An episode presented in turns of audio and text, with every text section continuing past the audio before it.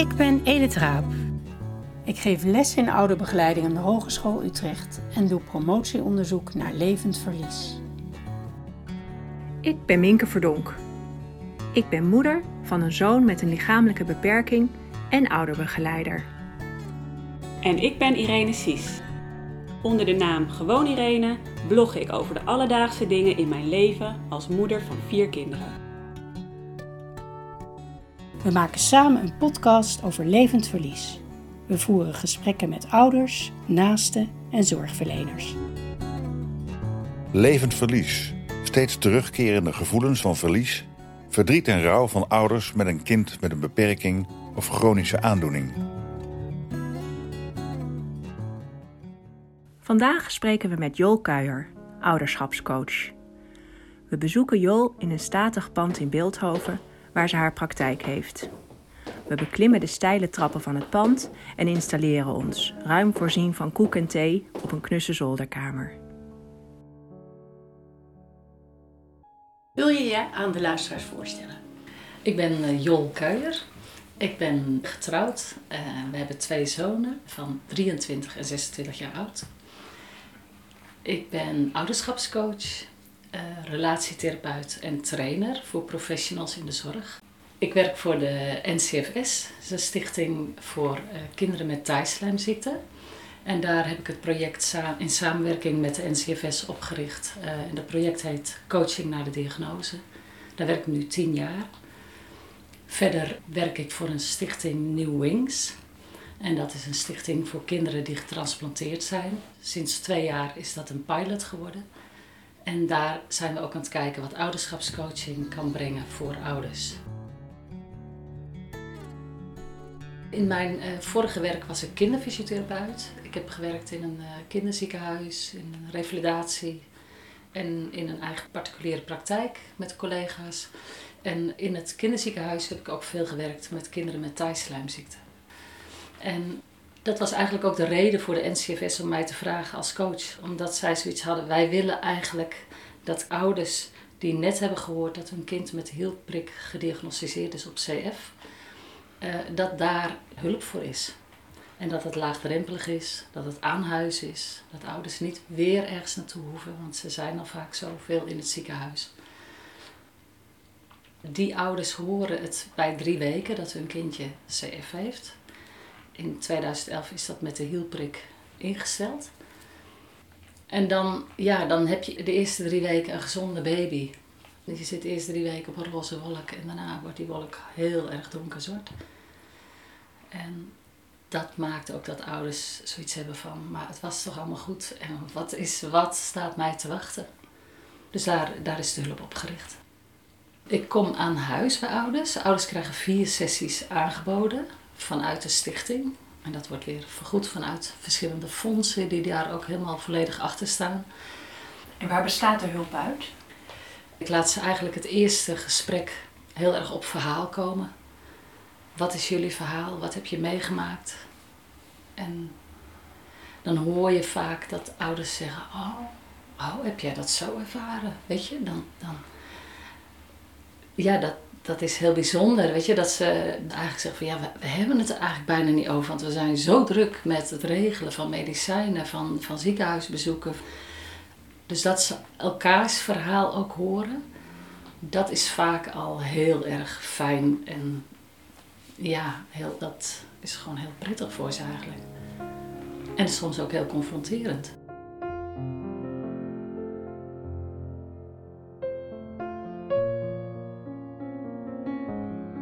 Waar gaan de gesprekken met ouders over? Het gaat heel erg over wat ouders tegenkomen en waar zij naar willen kijken. Ik heb geen vaste intakelijst. Daar ben ik altijd een beetje wars van. ik vind het veel belangrijker dat ouders met hun eigen onderwerpen kunnen komen.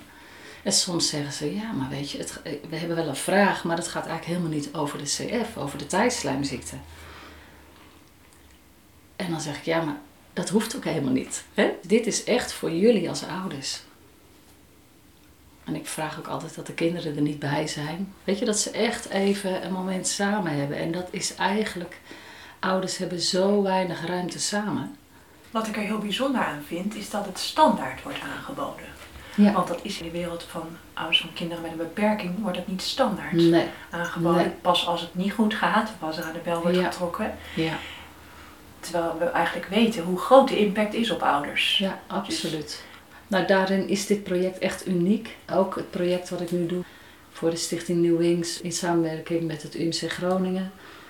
Voor kinderen die getransplanteerd zijn. Dat zijn vaak kleine kinderen ook, baby's met levertransplantaties. Dat is ook een uniek project eigenlijk.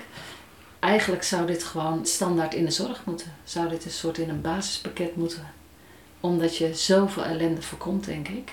Bij ouders. Bij deze groep, je kan er niet vroeg genoeg bij zijn. Om hulp te bieden als zij dat willen. Hè? Dus het is heel belangrijk dat ze het zelf willen. En dat is bij de ouders met kinderen met taaislijmziekte. Die bellen mij echt op. Maar dat betekent ook dat in ziekenhuizen die informatie gegeven wordt aan Ja, de ouders. zeker. Alle artsen, maatschappelijk werk, psychologen. Dus ja, inmiddels een enorme samenwerking ontstaan zonder dat wij dingen uitwisselen. Dat is voor ouders ook heel fijn, omdat ze al zoveel in het team zijn en daar al zo hun hele leven eh, zeg maar bloot ligt.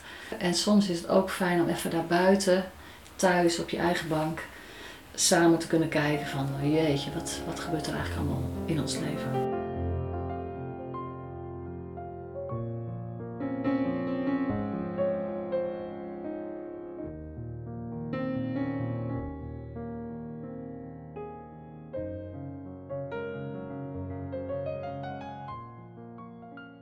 Wat, wat ouders vaak vertellen is, wat bij ouderschap eigenlijk gebeurt, is dat als dit het eerste kindje is wat een ziekte heeft, wat taaislijmziekte heeft, dan zijn ze eerst partners. Dus ze hebben eerst alle vrijheid gehad. Ze hebben alles kunnen doen wat ze wilden. Of, hè, dus je bent eigenlijk nog onafhankelijk van elkaar. En op het moment dat er een kind geboren wordt, dan geeft het een verschuiving in de relatie.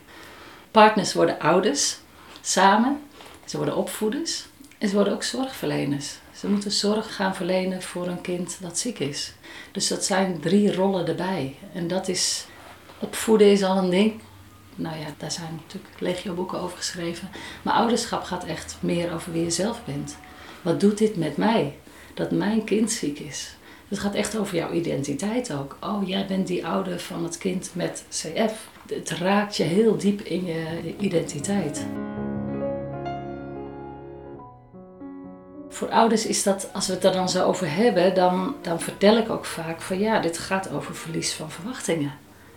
Want je bent, als je in verwachting bent, dan ben je ook vol verwachting. Je, je hebt je kind bij wijze van spreken al op hockey zitten. Je hoopt dat hij gitarist gaat worden of je hoopt eh, van alles. Hè? Je hebt allerlei ideeën daarover. En die zijn vaak ook weer heel verschillend tussen ouders. Maar op het moment dat je zo'n bericht krijgt, dan dondert vaak van alles. Die, die hele verwachtingswolk die klapt uit elkaar. Wat ouders vaak te horen krijgen is als je een kindje krijgt. Tegenwoordig weten ze vaak al eh, of dat het een jongen of een meisje is. Maar hoe heet hij en is hij gezond?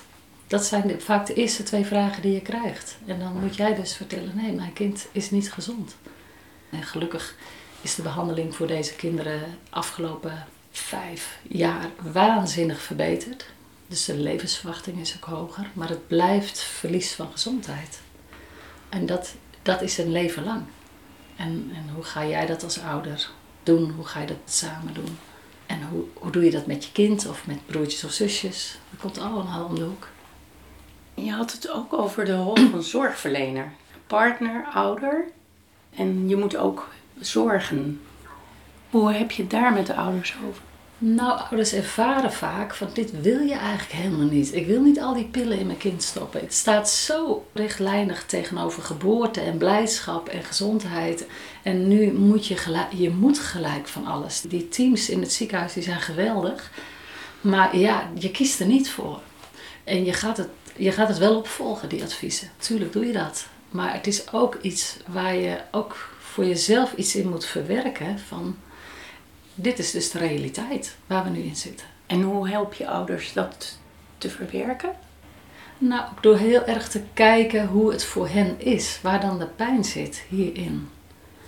En wat ik merk is, vaak zit er veel pijn in, ook naar hun ouders weer. Want je bent als ouder allebei drager van deze ziekte.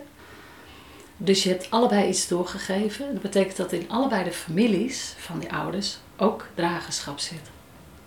En dat betekent eigenlijk dat het ook doorwerkt in beide familie, families van deze ouders. Dus dat opa's en oma's zich soms ook heel schuldig voelen. Oh mijn god, ik ben drager. En ik heb dit aan mijn kleinkind doorgegeven. Dus daar ligt ook vaak pijn. dus dan, dan horen de grootouders daar ook bij. en je eigen broers en zussen. En die kunnen ook drager zijn. Dus je moet je broer gaan vertellen. Misschien moet jij je ook laten testen. En als je een goede relatie hebt met je broer, is dat vaak al helemaal prima. Maar als, dat, als de onderlinge verhoudingen niet fijn zijn, dan eh, kan dat heel pijnlijk zijn.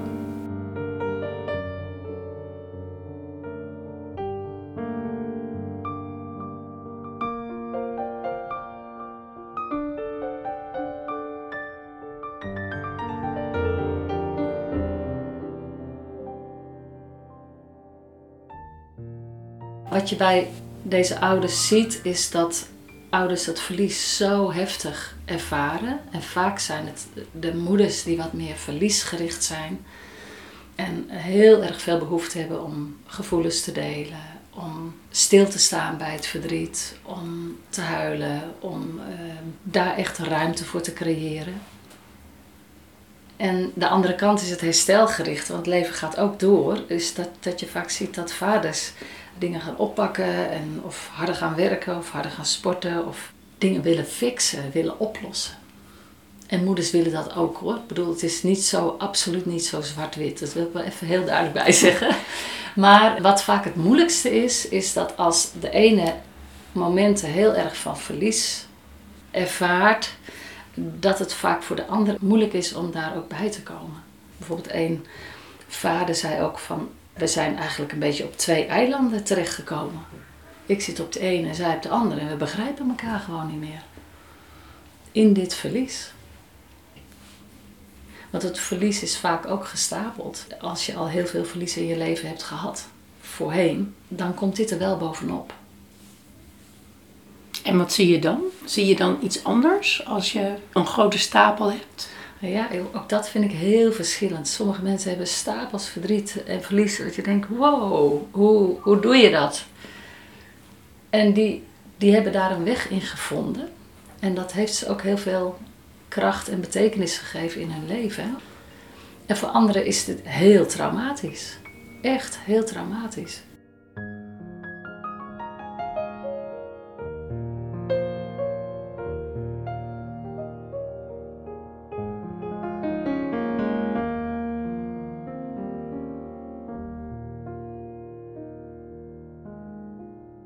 Zitten we hier voor de podcast Levend Verlies. Ja. Is dat een term die jij ook gebruikt in je werk? Ja, zeker. Ja. ja, dus wat ik net vertelde al zo, dat als ouders vertellen over wat het met hen doet, dan vertel ik ook vaak van, uh, goh, dus wat jullie ervaren is zo het verlies van gezondheid. En jaren geleden is daar de term levend verlies geboren. En ja, ik vind het zelf soms ook nog een lastige term. Maar het is voor hun vaak wel duidelijk. Ja, dat is het. En dat is ook waardoor ik denk wel dat het een hele goede term is. In ieder geval voor deze groep ouders. En ook voor ouders die in mijn praktijk komen. Eh, die ook een kind met een beperking hebben of een ziekte. Of, weet je, is dat wel een soort houvast van, oh ja, dus we hebben hier een weg in te vinden naar de toekomst. En daar ben je eigenlijk gewoon niet zo mee bezig als je net een baby krijgt. Dan ben je bezig met het, met het geluk van dat moment. Weet je, je bent niet zo, ja, natuurlijk op een bepaalde manier wel bezig met de toekomst van we hopen dat hij dit of dat, of uh, wie weet gaan we dat ooit wel doen. Maar niet de zorg om, kan mijn kind wel op zichzelf gaan wonen? Kan hij wel voor zichzelf gaan zorgen? Gaat het allemaal lukken in de toekomst? En dat is wel echt verlies dat je dat niet zeker weet. En soms weet je het al zeker en hoe dan?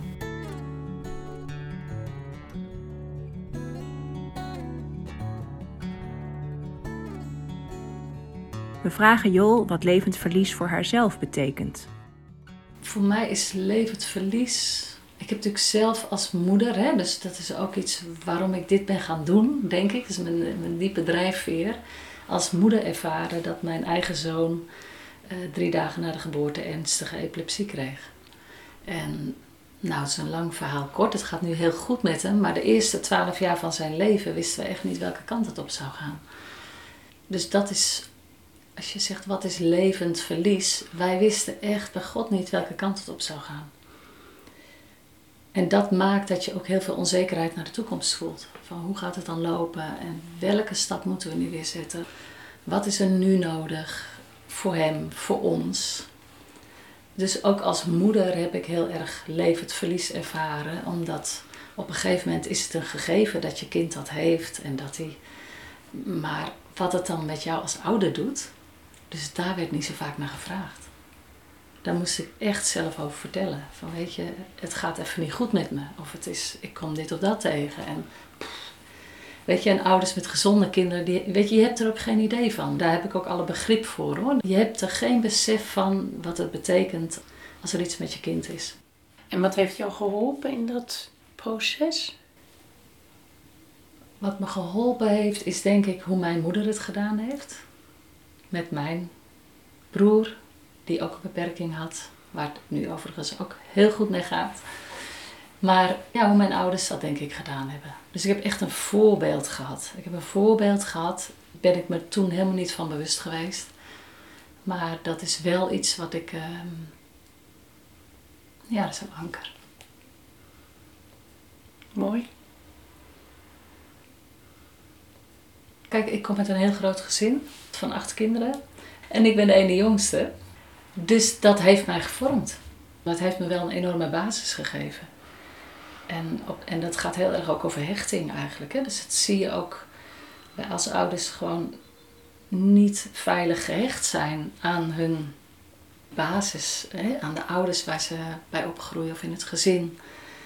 Dan, uh, als ouders die basis niet ervaren hebben, dan, dan is dat echt een klus. Ja. En kan je iets vertellen over hoe je ouders het gedaan hebben dan? Wat het voorbeeld was? Nou, wat zij, zij gingen eigenlijk uit van jullie zijn allemaal gelijk. Weet je? Dus mijn moeder hield ook een boekje bij met wie ze wat op de verjaardag had gegeven. Want dat onthoud je niet met acht kinderen. of weet je, belangrijke dingen hield zij bij. Want ik wil jullie allemaal hetzelfde geven. En het hoeft niet allemaal hetzelfde cadeau te zijn, maar het moet wel in verhouding staan met elkaar. En dat is ook met haar liefde, denk ik. En hè, dus zij heeft ons ook allemaal gevoed op de slaapkamer. En dan ging de deur dicht. En dan mocht er niemand bij komen. Zij wilde echt rust met het kind wat ze op de wereld had gezet. Ja, we hadden echt een druk bakkerijleven, zeg maar, winkel en bakkerij, noem maar op. Zij heeft mogelijkheden gezien om er echt voor ons te zijn. En toen dacht ik, ja, ik weet toen, toen onze oudste zoon geboren werd, toen dacht ik ook, ik wil er echt voor jou zijn. Ik ga minder werken, ik ben er voor jou. Het was voor mij als ouder heel hard werken om dat te kunnen doen. Ik heb ook echt voor mezelf nog veel meer voor mezelf leren zorgen. Dat is echt ook wel wat ik heel erg uit dit proces heb geleerd. Van, het is zo belangrijk. Als, als ik niet voor mezelf zorg, dan kan ik er ook niet voor mijn kind zijn. En ook niet voor mijn partner eigenlijk.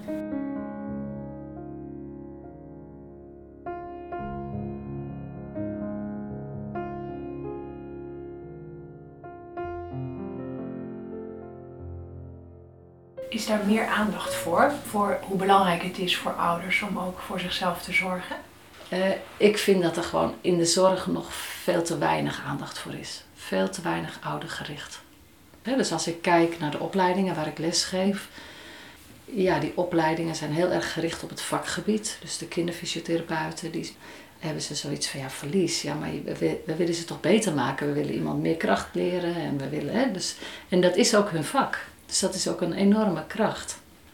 Alleen is er vaak weinig oog voor de verlieskant. En weinig oog voor de ouders. Relatief. In de zin van hoe, hoe gaat het eigenlijk met jullie? Is deze therapie voor jullie? Kan je het aan? Kunnen jullie de oefeningen thuis doen? Dus de afstemming met ouders, daar kan nog heel veel in verbeteren, denk ik. En dat kan het werk voor een zorgverlener ook enorm verlichten. Als je goed, een goede verbinding hebt met de ouders, dan voelen ouders dat ook dat je kind op een goede plek is. Ik heb dat zelf ervaren ook met mijn oudste zoon. Dat ik ook op een gegeven moment bij een zorgverlener zat en dat ik dacht, Dit is echt, ik word hier alleen maar onzeker van. Moet je nagaan, ik ken de zorg goed van binnenuit, maar ik werd er helemaal onzeker van. Dat ik dacht, dit, dit wil ik gewoon niet. Dit is niet goed voor mij. En als het niet goed voor mij is, is het ook niet goed voor mijn kind. Dus zo is het voor mij heel belangrijk geworden. En wat brengt het ouders als zorgverleners dat meer zouden doen? Begrip. Begrip. Van ik word begrepen. Ik, ze snappen echt wat ik bedoel. Oh, wat fijn is dit. Dat je nog niet toe bent aan een rolstoel voor je kind of een nieuwe rolstoel. Of een, dat is ook wat je vaak hoort. Hulpmiddelen of dingen. Uh, ouders, ouders hebben een andere, ander tempo. Die hebben, die hebben nodig om begrepen te worden dat ze er nog niet aan toe zijn. Of dat ze er nog niet allebei aan toe zijn. Want het kan heel veel gedoe weer in de relatie geven. Dat de een het wel wil en de ander niet. En, de, en dat je als zorgverlener daar druk op zet van ja, weet je, het is nu echt nodig. Wow, dan ga je voorbij aan heel veel dingen bij ouders. Dus wees nieuwsgierig, zodat je naast de ouder kan staan. En niet erboven, want ik weet zeker dat die rolstoel nu voor jullie op dit moment voor je kind het beste is. En dat is vaak helemaal niet hun intentie. Maar zij hebben dit in de opleiding te weinig meegekregen. Hoe breng je dit soort berichten over aan ouders? Hoe kun je naast de ouder gaan staan? De ouders hebben het zo nodig dat er iemand naast hen staat. En niet tussen een ouder en kind in.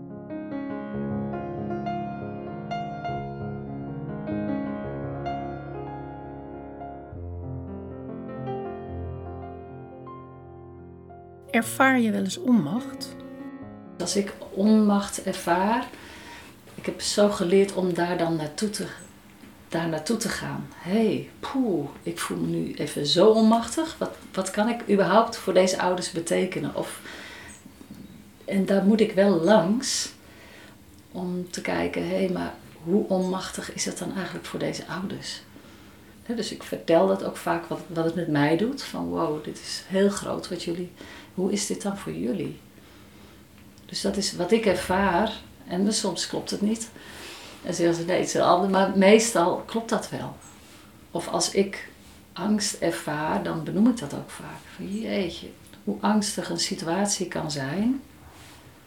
En ik kan het niet voor jullie oplossen. Dus ik moet ook langs mijn eigen angst, omdat ik weet dat ik het niet voor de ander op kan lossen. Zij kunnen het zelf wel oplossen, maar hoe dan? En daarin kan ik met ze meereizen. Is dat ook iets wat je aan studenten meegeeft? Ja, dat is wel mooi dat je dat zegt. Want dit komt heel vaak langs ook in de lessen van de kinderfysiotherapie. Omdat zij zo herstelgericht zijn, dan wil je het graag oplossen. Je wil verbetering. En wat als het dan niet lukt? Weet je, wat als een ouder niet geoefend heeft? Of wat als. Dus dat zij ook leren te zeggen van jee, ja, weet je, ik kan het niet allemaal fixen. Maar we moeten het wel samen kijken wat voor jullie de beste weg is. En dat is vaak iets, dan hoor ik vaak dat ze zeggen: Ja, maar ik ben toch geen psycholoog? Ik, ik ga toch niet vragen hoe het voor die ouders is of, of hoe zij het ervaren, want dan ben ik bang dat ik een vraag krijg die ik niet kan beantwoorden.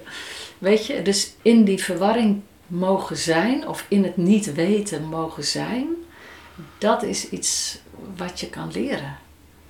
En hoe kan je dat leren? Nou, het vraagt een bepaalde openheid van jezelf om dat toe te laten. Om angst toe te laten, om onmacht toe te laten, om pijn toe te laten. Zonder dat je het bij de ander legt. Hè? Want dat is vaak de angst in de hulpverlening. Ja, maar ik ga toch niet vertellen dat ik ook ervaring heb met een zoon die ernstig ziek is geweest. Want stel je voor, hè, dan leg ik mijn pijn bij die ander. Dus het is echt de kunst om het bij jezelf te houden en vanuit je eigen ervaring te kunnen spreken. En hoe doe je dat? Nou, dat vraagt, dat vraagt heel veel intervisie, supervisie, training. Dus ik heb goed voor mezelf te zorgen hierin. En dat is iets waarin eh, ja, in de psychologenwereld, psychosociaal therapeuten, relatietherapeuten, daar is intervisie, daar is supervisie. Dus ik, als ik ergens tegenaan loop, dan ga ik naar mijn supervisor of ik breng het in in de intervisiegroep. Als ik kijk naar de paramedische sector, is geen intervisie. Nou, misschien wel ergens, maar niet veel.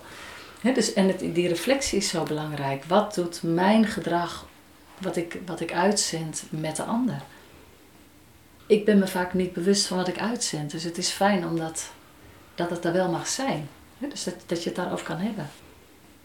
Ik zit me opeens voor te stellen dat jij voor de eerste keer naar zo'n ouderpaar gaat. Toen met het CF-project. Wat voor beeld had je erbij? Ik ga er naartoe en hoe Nou. deed je dat? Ja. Ja. dat is heel mooi dat je het vraagt. Want ik weet nog precies waar ik toen geweest ben. En ik weet ook nog dat ik dacht, wat kan ik eigenlijk betekenen voor deze ouders? Dat is tien jaar geleden. Dus ik zat ook een beetje in die oplossingsmodus. Wat kan ik allemaal doen? Dus het was voor mij echt heel spannend. Dus daar moest ik ook langs doen, van langs die spanning. Van oké, ik vind het heel spannend, maar zij vinden het misschien ook wel heel spannend. Want ze hebben dit net allemaal gehoord. En die zitten ook in spanning. En ik ontdekte eigenlijk al heel snel hoe belangrijk het is dat alles er mag zijn wat er voor hun op dat moment was. Dus ik zat wel met een. eh, toen ik terugreed, dacht ik: Oh, ja, zo is het. Zo is het. En ik mag het ook spannend vinden. En ik hoef niet op te lossen, maar kan er wel zijn.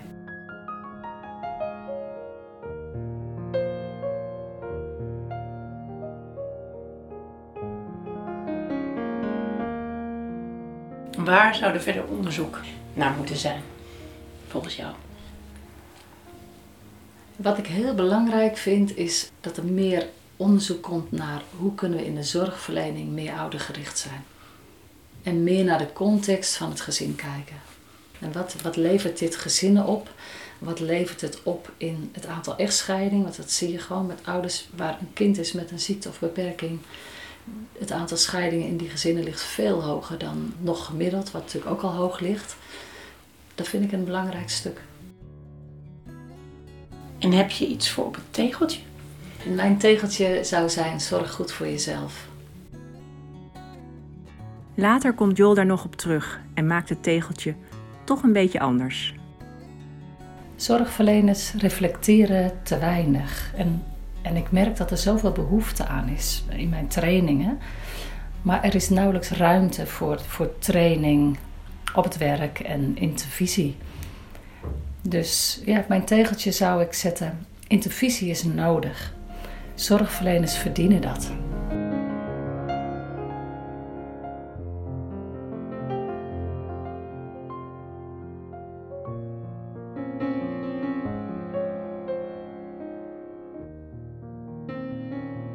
We praten na over wat Jol vertelde over haar gezin van herkomst. Ja, weet je, dat, is, dat raakt me toch altijd weer. Ja. ja. En het gaat ook over dankbaarheid voor mijn moeder en voor, ja, wat ik net ook een beetje zei, zo het nest waar ik uitkom. Ja.